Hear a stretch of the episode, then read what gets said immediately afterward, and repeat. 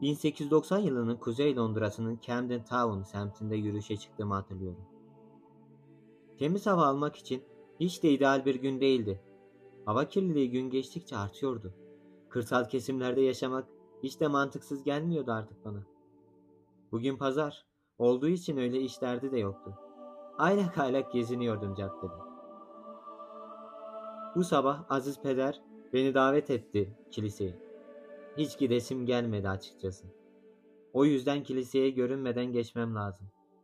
Kilisenin yanı başında tütüncü var. Haftalık tütün erzağım bitti.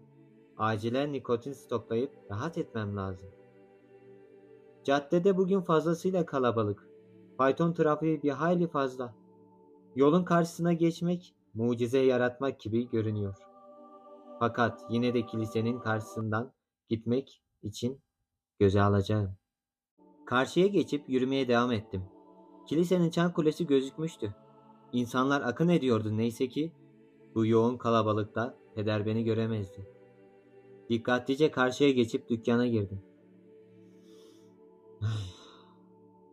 Sanırım en sevdiğim koku. Tütün kokusu olmalı. Filtre ve tütün alıp çıktım. Tabakamdan bir tane sigara çıkartıp yaktım. Derin derin içime çektim. Ardından karşıya tam geçecektim ki biri koluma girdi. Önce haliyle irkildim. Kendime geldiğimde koluma tutanlığa baktım. Bu Peder Mark'tı. Peder Mark. Diriliş pazarına katılacaksın değil mi, McCraper? Aslında ben eve gitmeyi düşünüyordum. Bir sonraki hafta gelirim peder. Peder. Zaman önemli evlat. Belki de haftaya o sana gelmeyecek. Pedere anlamsızca baktım. Beni bıraktı, evime doğru gittim.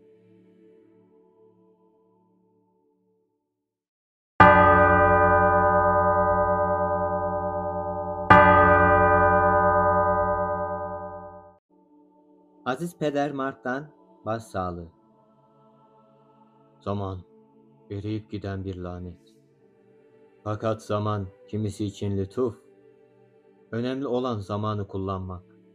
Erimeden, kaybolmadan zamanı erteleme. Zamanla vardı ve şimdi zamanla yok oldu. Siz ise yaşayanlar için hala zaman akıyor ve devam ediyor. Değerini bilin.